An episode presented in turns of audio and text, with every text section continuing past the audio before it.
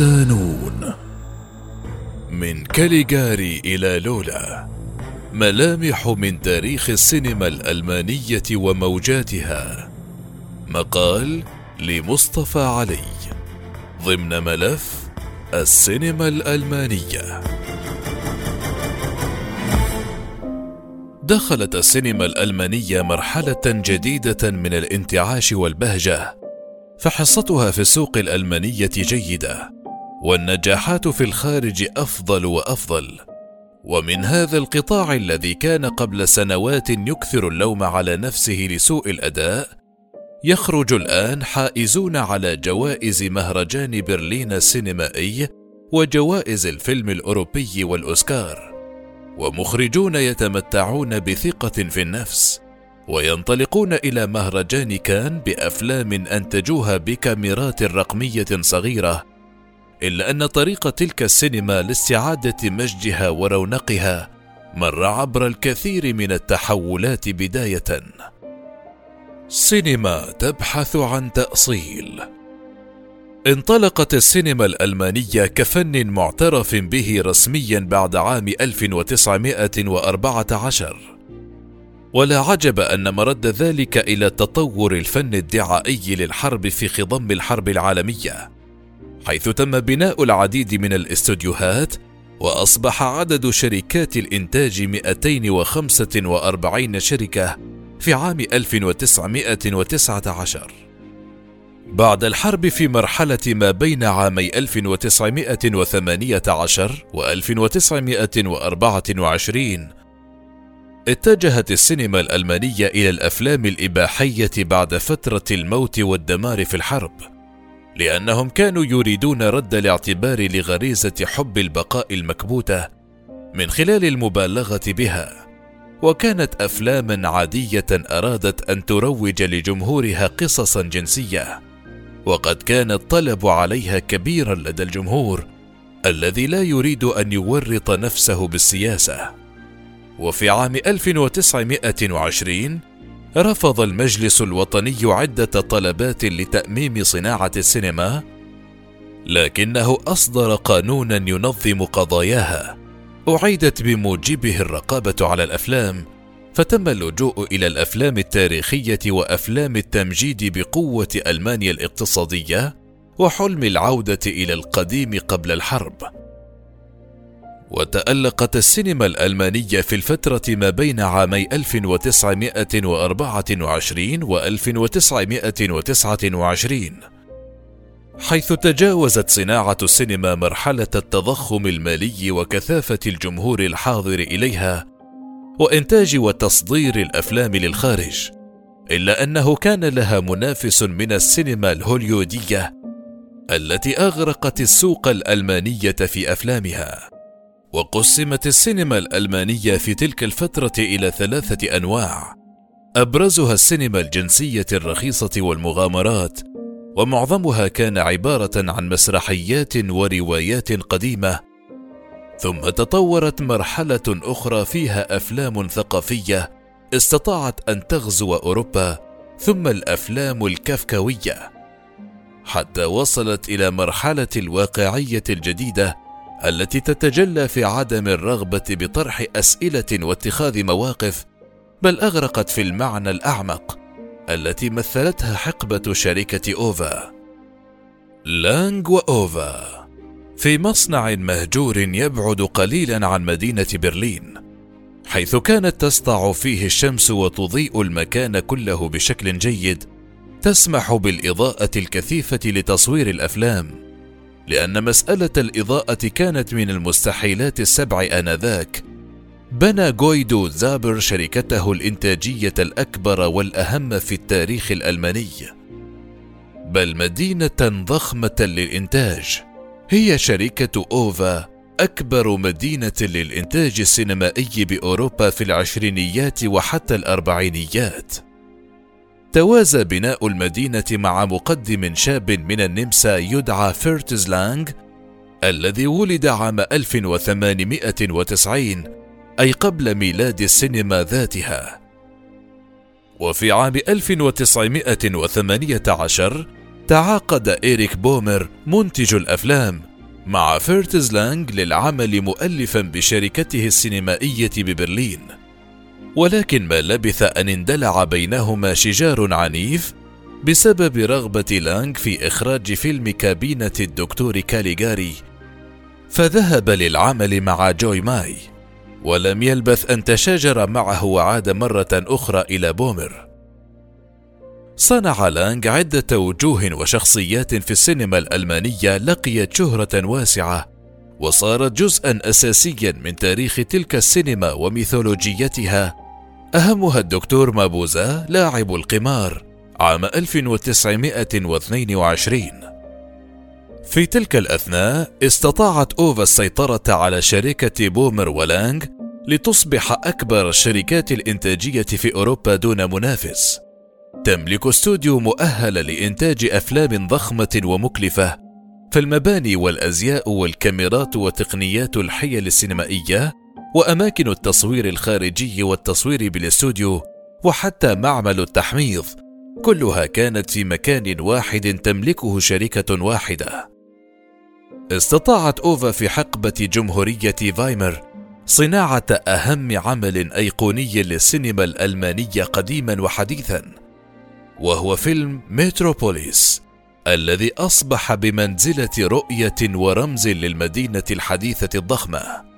وكان لانج قد استلهم فكرة الفيلم من سفره إلى أمريكا حيث رأى هناك في الليل شارعا طويلا محاطا بناطحات السحاب التي تلوح عليها أضواء متحركة للإعلانات والدعاية وقد كان هذا منظرا غريبا عن الشارع الأوروبي ويكاد يكون اسطوريا ويعد فيلم متروبوليس ذروة فن الاتليه والحيل السينمائية في وقته. كما أنه جمع رؤى لانغ وأفكاره في صعيد واحد فهناك العالم المجنون الذي أراد صنع إنسان ليسيطر به على الجماهير ويصور لانغ النقائض بين المدينة التحتية العديمة الضوء التي تسيطر فيها الآلات على العمال والمدينة الفوقية المضاءة المدخومة بالثراء الفاحش. إلا أنه يخلط ذلك بعناصر رومانسية تخفف من وطأة ذلك التناقض. ولا تزال رؤاه عن المدينة وصوره لمدينة المستقبل تؤثر في منتج أفلام الديستوبيا حتى اليوم. إلا أن الفيلم في وقته كان فشلا ذريعا حيث إن خسارته المادية إذا قورنت نفقاته بمداخيله تعد خسارة فادحة كما أنه أدى إلى افتراق بومر ولانج أخيرا. ومن الأفلام الأيقونية التي تركها لانج مع بزوغ فجر السينما الألمانية بالطبع فيلم آم وسلسلة الأفلام عن شخصية الدكتور مابوزا. وكانت تلك الفترة هي فترة إبداع تمخضت عن مناخ جمهورية فايمر الديمقراطي قبل صعود هتلر إلى السلطة. سيطرة جوزيف جوبلز كان هتلر محبا للسينما وكان جوزيف جوبلز مدركا ومستعظما لأهمية الدعاية. وما يمكن أن تحققه من تحشيد شعبي هائل لصالح فكرة ما. فاجتمع شغف الاثنين معا ليشكل ملامح السينما الألمانية في حقبة النازية. وجد جوبلز أوفا مؤسسة قوية الإنتاج والتقنية فسيطر عليها وقرر تحديثها وتطويرها فجعلها الأستوديو الأضخم في العالم آنذاك. وحتى نهاية الحرب عام 1945 كانت ألمانيا هي ثاني أكبر صناعة للسينما في العالم بعد الولايات المتحدة الأمريكية. لم تقدم النازية للسينما الألمانية كثيرا بل السينما الألمانية هي التي قدمت الكثير للفكرة. فقد كان كل فيلم أيا كان موضوعه يحمل إشارة رمزية قومية فاشية داخلة. ترسخ عبادة هتلر وفتشية النظام النازي. لذلك كان عصر السينما الهتلرية بصفة عامة هو العصر الأكثر دعاية في تاريخ السينما كلها. كان لسيطرة النازية على صناعة السينما في ألمانيا آثارها السلبية. فبالطبع هاجر صناع السينما اليهود إلى أمريكا وهاجر صناع السينما الألمان الذين كانوا على خلاف مع العقيدة الفاشية إلى أمريكا ومختلف دول أوروبا. وخسرت السينما الألمانية العديد من الكفاءات وسخرت الطاقات الموجودة لخدمة هدف واحد ما حجم قدراتها الإبداعية لتنتج أفلاما ذات أجندات. وحين سقطت النازية ورث الاتحاد السوفيتي شركة أوفا وضمها إلى شركة صناعة أفلام ألمانيا الشرقية التي ستكمل مسيرة الأفلام الدعائية. بالإضافة إلى مجموعة ضخمة من الأفلام التي تصور الحياة المثالية في مجتمع شيوعي ونقيضها البائس في مجتمع ليبرالي.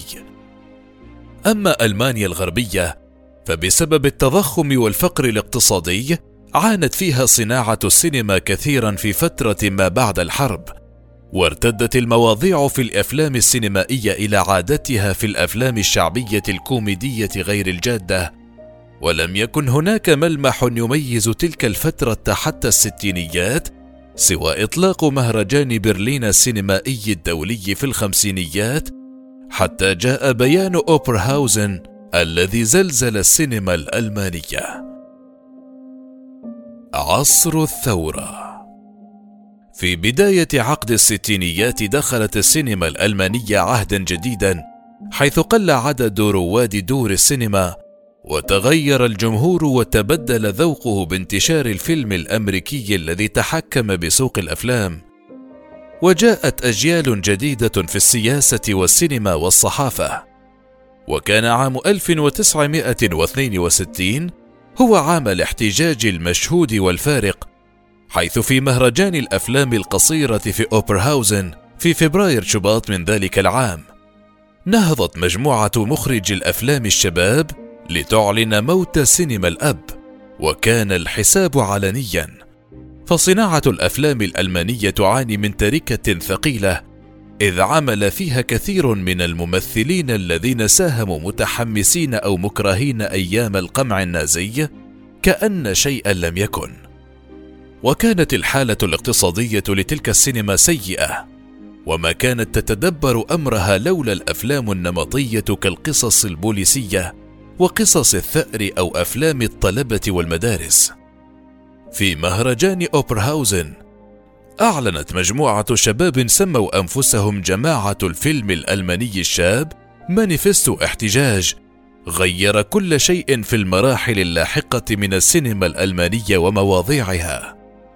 ونجد من أبرز هؤلاء ألكسندر كلوك، فولكر شلوندورف، راينر فاسبندر، فيم فيندرز، فيرنر هيرزوغ بيرسي أدلون وبيرهان سينكل تقود تلك المجموعة من الشباب الفيلم الألماني لاحتلال موقعه كفيلم مرموق في السينما الأوروبية والعالمية من جديد حيث إن حركة الفيلم الألماني الشاب هي محاولة مناهضة للسينما تحاول أن تحقق تجربة فنية طموحة وتخترق من خلالها أساليب السرد في السينما القديمة. وأن تخرج نهاياتها بما يشبه نهايات القصص الخرافية لتنقل تصورات جديدة عن الحياة اليومية في ألمانيا الغربية.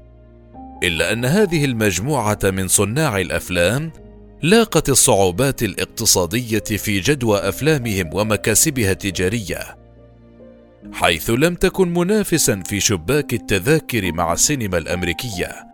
ولأن التلفزيون الرسمي كان أهم ممول وداعم لأفلام هؤلاء الشباب فانتهى الأمر بأفلامهم أن تعرض على الشاشة الصغيرة لا في دور السينما. لكن تركت الحركة اثرا وحلما وردت الاعتبار والقيمة الفنية لأفلام السينما الألمانية وحين سقط الجدار عام 1989 كان قد تغير كل شيء فعليا. الموجة الجديدة.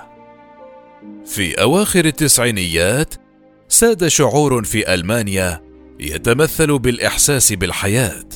بعد الخروج من بين المطرقة والسندان أي سياسة الشرق والغرب في ألمانيا المقسمة التي سيطرت على موضوعات الحياة كلها فكان هناك نزوع نحو المواضيع العادية كالحب والصدفة والقدر. وبعد أن توحدت الدولة مرة أخرى أصبح هناك الكثير من الطاقات البشرية والمادية التي أمكن حشدها لخدمة السينما. وبدأت السينما الألمانية في الاستفادة من التقنية التي وصلت إليها صناعة السينما في العالم والشروع في محاولة صناعة فيلم متطور تقنيا ذي قصة جادة ومصقوله وتناسب السوق التجارية في الوقت نفسه. وقد سعى فيلم ألماني بعنوان أركضي لولا عام 1998 لمخرجه توم تيكفر إلى إيقاظ السينما الألمانية من سباتها العميق.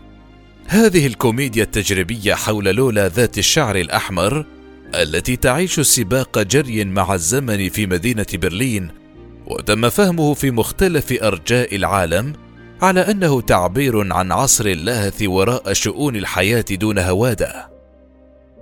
وتمكن المخرج توم تيكفير من تحقيق نجاح عالمي باهر وشكل هذا الفيلم انطلاقة مرحلة جديدة للسينما الألمانية ولأول مرة منذ ما كان يعرف بعهد سينما المؤلفين التي مثلها راينر فاسباندر اتجهت أنظار العالم مجددا باهتمام وفضول نحو السينما الألمانية التي بدأت تحقق نجاحات عالمية من جديد.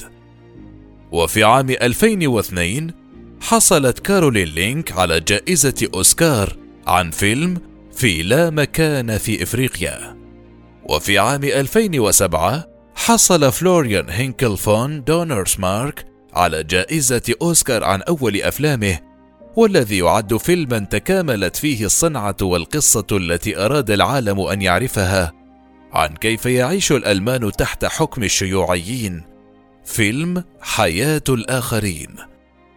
وفي العام 2007 أيضا فاز المخرج التركي الألماني فاتح أكين بجائزة أفضل حوار والجائزة الخاصة في مهرجان كان السينمائي عن فيلمه على الجانب الآخر. أيضا في الموجة الحديثة للسينما الألمانية حققت الأفلام الكوميدية نجاحا لم يكن متوقعا حيث أصبح فيلم نهاية سنوات الخير لهانس فاينغانتر وفيلم وداعا لينين من أبرز الأفلام التي تميز السينما الألمانية في حلتها الجديدة. ولم تتراجع مكانة الأفلام الجادة التي تقدمها سينما ألمانيا حيث أصبح واحدا من أهم صناع السينما الألمانية مايكل هانيكا بأفلامه المعقدة السادية الصارخة في وجه الأنظمة الأبوية للعالم من صور السينما الألمانية بوجهها الجديد. ومن خلال العديد من المخرجين اللامعين الآخرين من أمثال أوليفر هيرشبيجل وديفيد ويندنت وفاتح أكين استطاعت السينما الألمانية أن تتبوأ مكانها من جديد.